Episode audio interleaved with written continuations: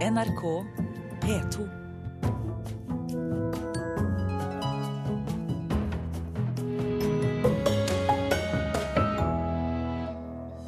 Barn og unge får grove nakenbilder fra fremmede rett til mobilen på populær ny tjeneste.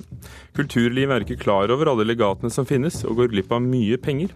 Og Forsvaret markerer grunnlovsjubileet med å leke krig mot svenskene og rekonstruerer slag med uniformer og trompeter og det hele. Vi får en smakebit her i Kulturnytt i P2s Nyhetsmorgen med Ugo Fermariello i studio. Grove og eksplisitte nakenbilder fra fremmede tikker inn på mobiltelefonene til norske barn og ungdommer. Organisasjonen Barnevakten mener sosiale medier er den nye arenaen for blottere. Bildene overlater lite til fantasien og sendes uoppfordret. Utrolig ubehagelig, sier 15-åringer i Bodø. Ekkelt. Ja, det er ekkelt og unødvendig. Jeg skjønner ikke hva de skal fram til. altså. Victoria har besøk av to venner fra klassen på Hunstad ungdomsskole. Og når de er i lag, er det mobilen som er det naturlige midtpunktet. Det er veldig viktig. Det er ganske viktig. Ja. Bruker den hele tida. Det durer og plinger i telefonene konstant, men ikke alt som tikker inn er like hyggelig. De tre har til sammen fått over 30 bilder av kvinnelige og mannlige kjønnsorganer fra folk de ikke kjenner. Det var veldig uvant første gangen, så, men når, når, man får fra samme person veldig ofte, så er det sånn her Kan du være så snill å slutte? Sånn her, ok. Så man ber de om å slutte, men når de ikke gjør det, så må man bare blokkere dem, for at det blir, det blir for mye og for ekkelt. Nakenbildene har de bl.a. fått tilsendt via mobilappen Kik, der de sender meldinger og bilder gratis. Organisasjonen Barnevakten gir foreldre råd om media, og advarer mot å la barn bruke akkurat dette programmet. Fordi at du er så tilgjengelig. Og så i utgangspunktet så anbefaler vi eh, å bruke andre bilde- og meldingstjenester enn Kik for barn. Rådgiver i Barnevakten Kjellaug Tonheim Tønnesen sier Kik har 17-årsgrense, men likevel brukes appen av barn fra ti år og oppover. Det slår meg at kanskje dette her er litt sånn eh, nåtidens blottere arena. Det er litt sånn kultur for å dele eh, nakenbilder, og eh, dele det med både de man kjenner og de man ikke kjenner. Det canadiske selskapet bak jobber for å begrense spredning av seksuelle bilder, og skriver dette i en e-post til NRK.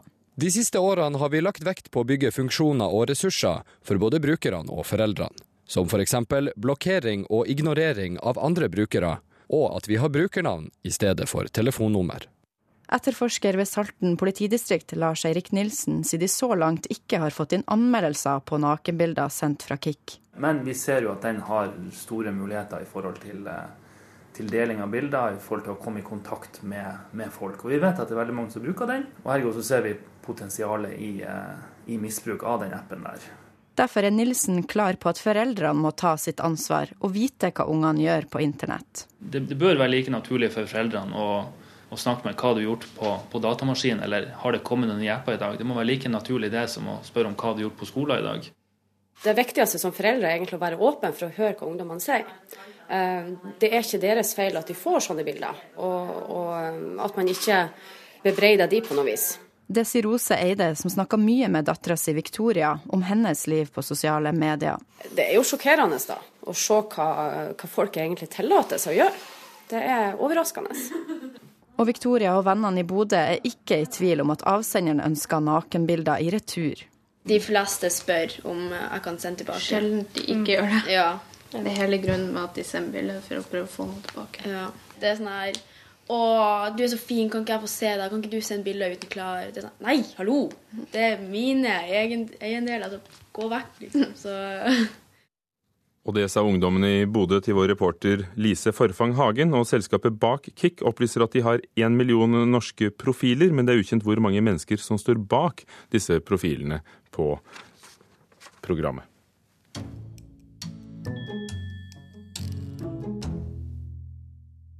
Norske legater sliter med å få inn gode nok søknader, ifølge Stiftelsestilsynet. Stiftelser og legater deler ut rundt 360 millioner kroner årlig til kulturlivet.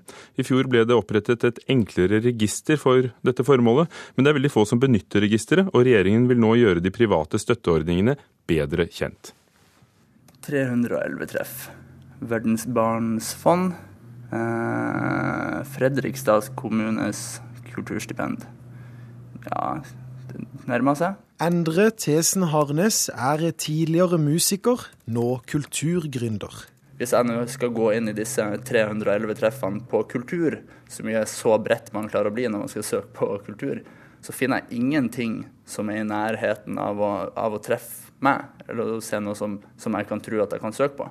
Han har tidligere søkt og fått økonomisk støtte fra Kulturrådet og andre større offentlige støtteordninger, men har gitt opp å søke mindre legater og stiftelser. Det er veldig bortgjemt. En ting er at det ikke blir fronta av noen større, større, kanaler, og en annen ting er det at, at det er så, det er så spredd. En undersøkelse gjort av Stiftelsestilsynet i 2012 viser at stiftelser og legater i Norge deler ut rundt 360 millioner kroner årlig til kultursektoren. Det er rundt 80 millioner kroner mer enn det alle aviser i landet får i pressestøtte fra Kulturdepartementet. Likevel tror Gunn Merete Paulsen, avdelingsdirektør i Stiftelsestilsynet, at pengene ikke nødvendigvis går til dem som fortjener det mest. Det er jo en del stiftelser som eh, til dels syns det er vanskelig å, å få inn gode søkere til, eh, til, de midlene de eh, sitter med. Grunnen er at det kan virke vanskelig å finne frem til den støtteordningen som passer, fordi man i dag må søke og bla seg gjennom ulike bøker og nettsider. Det var en av grunnene til at Stiftelsestilsynet samlet landets stiftelser og legater i ett søkbart register, der det fra 1.1.2013 skulle være enklere å finne frem til den støtteordningen som passet for deg og ditt formål. Eh, så da bestemte vi oss for at eh, vi ville gjøre alle, all teksten i alle vedtektene om til søkbart format. Eh, og grunnen til at vi gjorde det, er jo at vi ønsker at publikum generelt skal få større tilgang til de opplysningene vi sitter med. Tall fra fjoråret viser en økning i antallet som brukte registeret, men likevel kun 50 unike besøk daglig. Der har nok eh, eh, Stiftelsestilsynet en jobb å gjøre i lag med stiftelsene, både med å vise det bidraget de eh, allerede har til samfunnet, og det potensialet som kan ligge der. For det er en sektor med, med mye penger i, rett og slett. Jeg tror det er en veldig viktig finansieringsarena, og jeg tror det er viktig at vi på en god måte legger til rette for det framover. Sier Svein Harberg fra Høyre, leder av familie- og kulturkomiteen på Stortinget. Han mener legater og stiftelser bør bli mer synlig og lettere tilgjengelig. Og det ønsker regjeringen nå å gjøre noe med, forteller Harberg. Ja, et eksempel er jo at dersom mange rundt om i landet har lyst til å støtte korpsbevegelsen, så kunne de betale inn i fellesskap til et sånt legat. Og så var de sikre på at utdelingene fra det legatet det gikk til korpsmusikk, og der det trengtes mest, og til utvikling. Det er en spennende tanke som jeg syns det er viktig å følge framover. Men Paulsen i Stiftelsestilsynet mener det må en holdningsendring til, og sier de har markedsført seg godt allerede. Eh, det å få folk til å bli klar over eh, den kilden til informasjon som ligger der, det handler òg om holdningsendringer. Og holdninger klarer ikke en å endre eh, på et år. Gunn Merete Paulsen i Stiftelsestilsynet, reporter Christian Ingebretsen.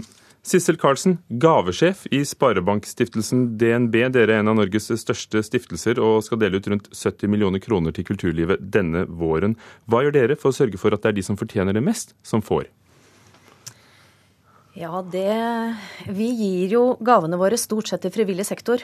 Ehm, så der er jo det er jo de som trenger det mest, for å si det sånn. Frivillig sektor har jo ikke veldig mye eh, penger i utgangspunktet.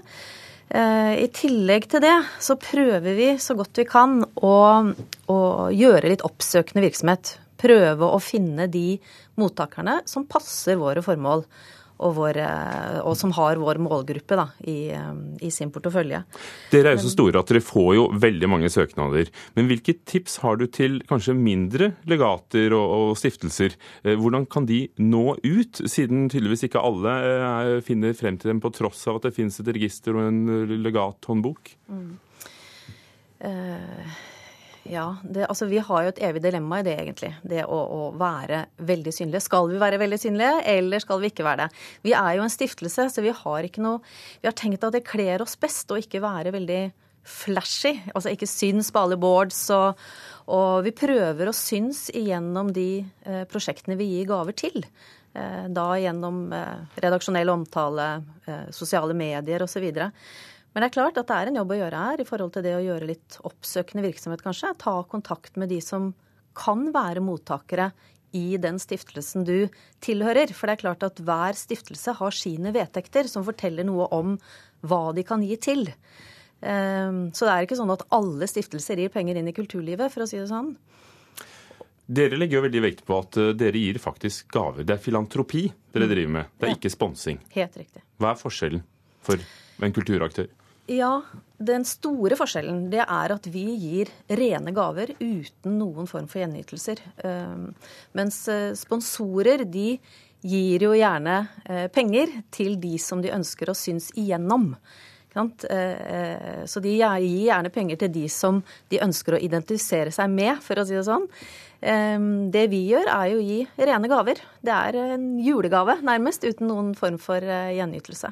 Mm. Og da må dere jo gjøre et arbeid for å sikre at dette uh, får en, en, bruk som passer seg, som er nyttig? Mm, det har du helt rett i. Og vi har i vår stiftelse så har vi ca. 5000 søknader i året. Eh, og det vi gjør er jo For det første så er vi mange som leser de 5000 søknadene. Vi er ikke bare én person, vi er mange som leser de. Og det er et styre som til syvende og sist går gjennom og godkjenner eller ikke. Eh, det er det ene vi gjør. Det andre er at vi, eh, vi gjør, som jeg sa, noe oppsøkende virksomhet. Og vi har jo også formålene våre. Altså vi skal treffe barn og unge, som er vår målgruppe. Eh, og vi har formål som kultur, men også fysisk aktivitet og, og natur. Så vi, det er liksom å finne de riktige søknadene som treffer oss godt. Og det vi ser mest etter, det er dugnadsgjengene. I og med at vi er inne i frivillig sektor, så er dugnadsgjengene det som kanskje blir det aller viktigste. Takk skal du ha, gavesjef i Sparebankstiftelsen DNB, Sissel Karlsen. Og så er det opp til andre å treffe ikke bare dere, men finne frem til de andre legater og stiftelser som finnes der ute. Kvart over åtte. Kulturnytt i Nyhetsmorgen som har følgende overskrifter i dag. Brann i Lærdal har ført til større skader enn tidligere antatt. 35 hus er totalskadet, ifølge politiet. I dag gjøres nytt forsøk på å starte rettssaken mot Joshua French i Kongo. Advokaten hans håper vitnemålet fra Kripos vil gi en frikjennelse. Norges idrettsforbund griper inn i saken om påstått sextrakassering i Stabekk. I går valgte klubben å beholde treneren, som har innrømmet upassende atferd mot en tidligere spiller. Og uten Theodor Kittelsen hadde ikke Norge blitt Norge, sa en gang dikter Jan Erik Vold. I dag er det 100 år siden Kittelsen døde. Flere utstillinger skal vise oss at Kittelsen var mer enn troll, prinsesser og Kvitebjørn, kong Valemon. Det hører vi om mer senere her i Kulturnytt. Først til grunnlovsjubileet. Forsvaret markerer eh, jubileet ved å krige mot svenskene. Innleide soldater gjenskaper to store slag som sto høsten 1814. Ett i Østfold og et slag i Hedmark skal vise hvor viktig Forsvarets innsats var for Grunnloven. Der henger uniformer i alle retninger. Og så har vi jo våpen, da. Esten Grafsrønningen er rusta til kamp i tidsriktig utstyr. Dette er en 1810-uniform kapteinsuniform.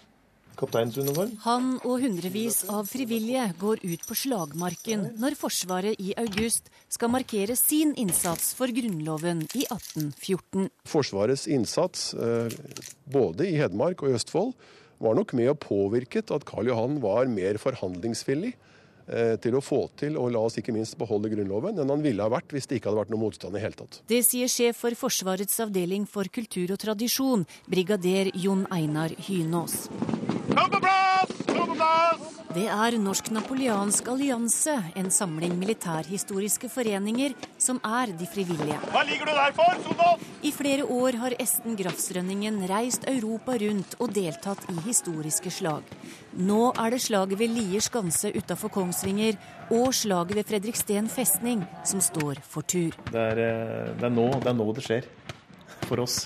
Å formidle den historien for oss, da er, er, viktig, for det er mange som ikke vet om egentlig hva som foregikk den gangen. Det var de to stedene hvor eh, den svenske armeen under ledelse av eh, kronprins Karl Johan angrep Norge. Dette er fra Leipzig i uh, fjor. Grafsrønningen viser videoopptak fra rekonstruksjonen av slaget ved Leipzig. Hvor det var ca. 50 norske som reiste nedover. og deltok på 200-årsmarkeringen. Det blodige slaget ble sjølve opptakten til at svenska gikk til krig mot Norge i 1814. Svenskekongen ble lovt Norge som takk for hjelpa med å beseire Napoleon i slaget. Men Norge erklærte seg uavhengig og vedtok grunnloven. Svenska svarte med å angripe. Vi slo jo ikke svenskene, men vi stoppet angrepet i Hedmark. Og vi eh, lagde såpass stor motstand i Østfold, spesielt med Fredriksten, at eh, det var åpenbart at det var ikke uten videre bare å tråkke over og diktere betingelsene for en union. I klesskapet hos Esten Grafsrønningen gjøres det nå plass for enda en uniform. Sånn er det. Vi må sy oss uniformer etter riktig tid og riktig og hva du skal gjøre for noe. Og alliansens svenske brødre har vist atskillig større interesse for grunnlovsfeiringa enn svenskekongen. Eh, Alle svenskekongen eh, skal jeg ikke kommentere, men eh, svenskene som vi har kontakt med, dem vil gjerne komme. Vi har finner med oss. Det er mulig også å komme noen tyskere. Engelskmenn, samme som vi gjør i, også ute i Europa. Så, så, så, deltar vi på hverandres arrangementer for å fylle opp og, og skape litt liv rundt arrangementene våre. Og brigader Hynås tror ikke svenska blir såre over at Forsvaret velger å leke svenskekrig som sin hovedmarkering under grunnlovsjubileet.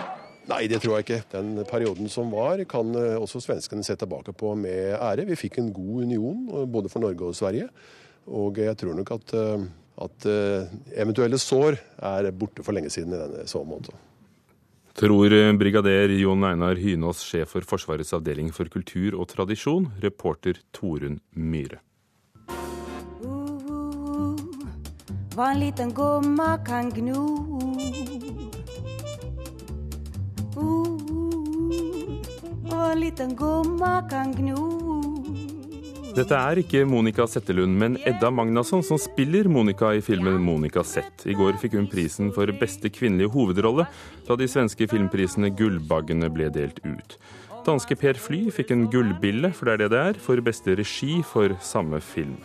Michael Presbrandt ble beste mannlige hovedrolleinnehaver i filmen 'Meg eier ingen', som kommer på norske kinoer denne uken og den uventede suksessen til kunstner Anna Odell, filmen 'Återtreffen gjenforeningen', der hun iscenesetter et treff med klassekameratene som mobbet henne gjennom skoletiden, ble kåret til fjorårets beste film da Gullbagene ble delt ut i Sverige i går.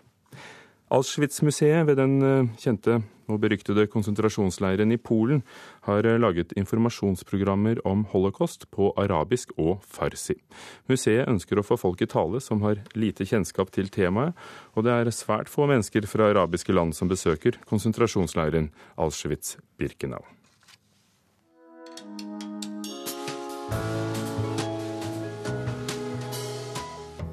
100 år siden i dag at Theodor Kittelsen døde, 56 år gammel. Han etterlot seg enke og elleve barn og et helt kunstnerskap som har satt seg som bilde på hva norske eventyr er. Kvitebjørn kong Valemo, Askeladden som skuer utover landskapet, og prinsesser og troll. Blåfarverket på Modum i Buskerud skal ha to utstillinger med 200 Kittelsen-arbeider til sommeren. Nasjonalmuseet skal ha ny utstilling, og Kunstnerhjemmet Laulia åpner nettsiden theodorkittelsen.no. Sverre Følstad, kunstfaglig medarbeider ved Blåfarverket.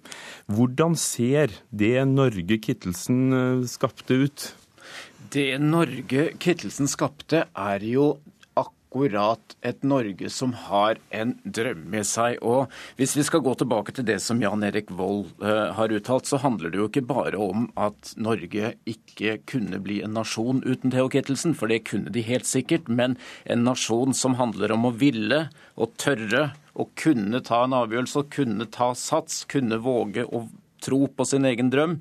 Det Norge er det jo Kittelsen da har vist oss. Og Kittelsen har jo en ganske stor evne til å se naturen vi har rundt oss, ikke bare som et fint prospekt, men som noe mer, hvor vi da kan få rom for å utfolde oss.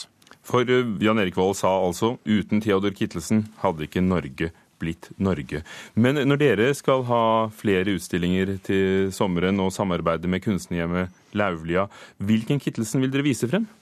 Vi vil jo i en sånn utstilling eh, nødvendigvis måtte ta for oss eh, et ganske mangfoldig eh, og i og for seg også et litt avansert kunstnerskap. Men det som er så flott med Kittelsen, er jo også da at man ser at når man ser helheten, så har man jo muligheten til å se at Kittelsen er en kunstner som ja, han er morsom, han er en stor eh, humorist. Ja, han er også en stor stilist. altså Han tilhører jo da på en måte slutten av 1800-tallets eh, veldig forfinende kunst. Og så kan man jo se at han også har hatt evnen til å lage en god del bilder som man nesten ikke kan tro det er et menneske som har laget i det hele tatt. Hvis vi f.eks. tenker på Nøkken, så er det jo sånn at idet man sier Nøkken, og nå er vi jo på radio, så er det jo allikevel sånn at alle mennesker som hører om Nøkken, nøkken vet nøyaktig hvordan den nøkken ser ut. Og det er jo fordi Kittelsen da kunne ta og hente ut av selve folkefantasien disse tingene og sette det på et lerret, sånn at man da kunne se det en gang for alle. Og dette begynte da Erik Werenskiold fikk rekruttert ham til å være med å illustrere Asbjørnsen og Moe eh, på 1880-tallet. Men før det så hadde han jo malt uh, sosialrealistiske bilder. Streik, f.eks. Ja, ja, når man snakker om Kittelsen, så kan man jo snakke om en kunstner som har stadig nye gjennombrudd, egentlig. Først så er han jo en sånn sosial tendenskunstner, og kanskje ikke den viktigste vi har hatt i vår tid. Men han har jo da det første maleriet som tar for seg problematikken med arbeidersak i streik i 1879, og så har han jo da et par år senere begynt å å tegne på eventyrene. Og etter hvert så får jo Kittelsen nærmest et monopol på hvordan eventyrverdenen da ser ut. Noe senere i livet så har han jo da kanskje mer enn dikter, en billeddikter, sånn som når han lager sitt store verk fra Lofoten, eller det store Svartedauden-verket. Og så er han jo da i tillegg i den tiden som kanskje vi kommer til å fokusere aller mest på i vår utstilling, først og fremst en fortolker av landskapet han hadde rundt seg. Og landskapet er jo noe som han har en veldig dialog med, og uansett hvor han bor. Og han bor på utrolig mange steder. Det er jo også derfor denne utstillingen har fått um, underteksten 'Norge rundt' med Theo Kittelsen. Og uansett hvor Kittelsen er, så er det jo sånn at kunsten hans blir en litt annen enn det den var om han var andre steder. Og Det er vel kanskje også derfor han flytter til Heggedal eh, og forlater de mer blide deler eh, av verden for å komme inn i en mørkere eh, og mer opprinnelig middelalderverden, for at han da skal kunne fullføre svartedauden-verket sitt. Takk skal du ha, Sverre Følstad. Vi får komme tilbake til dette når utstillingen åpner. I dag er det 100 år siden Theodor Kittelsen døde. Du er kunstfaglig ansvarlig på Blåfarverket, og dette var Kulturnytt ved Hanne Lunås, Vidar Sem og Ugo Fermariello. Hør flere podkaster på nrk.no podkast.